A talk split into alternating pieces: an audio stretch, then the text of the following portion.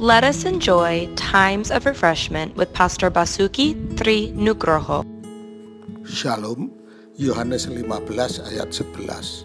Semuanya itu kukatakan kepadamu, supaya sukacitaku ada di dalam kamu dan sukacitamu menjadi penuh. Kemarin pagi saya dikejutkan oleh istri saya yang berteriak gembira karena dia melihat beberapa tangkai pohon mangga depan rumah yang berbunga lagi.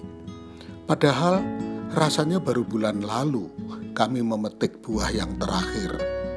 Siangnya kami tertawa bersama melihat dia menyisihkan kerupuk yang gosong yang baru dia goreng. Ini mengingatkan pengalaman awal menikah kami yang juga menggoreng kerupuk dan gosong. Namun kami memaksa untuk memakannya, bukan karena tidak rela, tetapi karena merasa bersalah. Mengapa menggoreng kerupuk saja tidak bisa? Daftar sukacita itu jika kita buat setiap hari, pasti kita akan kagum. Ada banyak keindahan dalam hidup kita.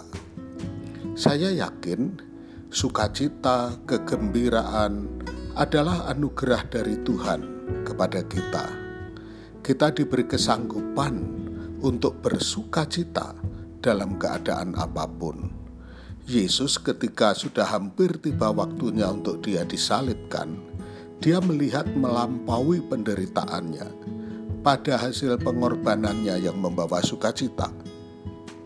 Dia memberitahu murid-muridnya, semuanya itu kukatakan kepadamu, supaya sukacitaku ada di dalam kamu dan sukacitamu menjadi penuh mengapa tidak memulai daftar kegembiraan Anda sendiri hari ini? Itu bisa menjadi pengingat yang baik akan kasih setia Tuhan dan kegembiraan hati yang Dia hadirkan dalam hidup kita. Tuhan memberkati. Untuk info pelayanan lebih lanjut, hubungi GBI Grace Community Center Makassar di nomor 081 343 625 334. Tuhan memberkati.